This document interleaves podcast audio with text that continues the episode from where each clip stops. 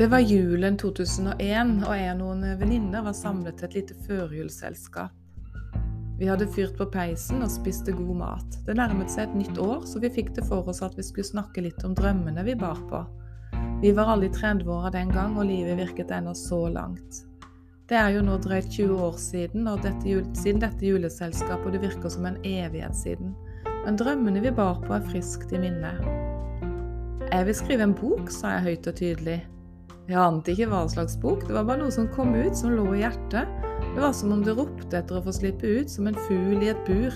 Uten at jeg forsto det da, så slapp jeg drømmen fri denne kvelden i 2001. Fire år senere var min første bok antatt hos Lunde forlag.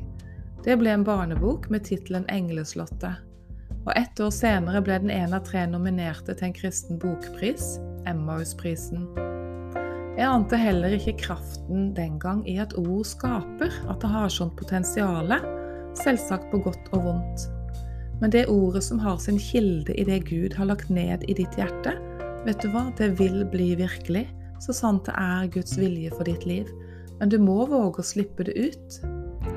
Jeg tror det ordet jeg talte ut i et juleselskap i 2001, umiddelbart skapte noe i den åndelige sfæren. Og fra den dagen fikk det vokse som et frø som plantes, spirer og blir til en vakker vekst eller blomst til slutt. Selvsagt deler du ikke slikt eh, til hele verden. Man behandler sårbare ting i en tidlig fase med varsomhet. Men noen få utvalgte kan være det som gir drømmen vinger.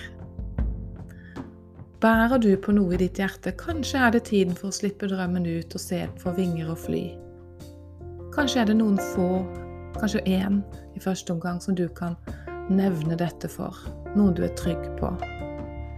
Og Skulle din drøm også være en bok, så vil jeg jo varmt anbefale å lytte til de dyktige kristne forfatterstemmene jeg har eh, intervjuet i serien Kristne forfatterstemmer. Den kan du se mer om i linken her, og du kan høre det når du vil, når det passer deg. Gud velsigne deg og det Gud har lagt i ditt hjerte.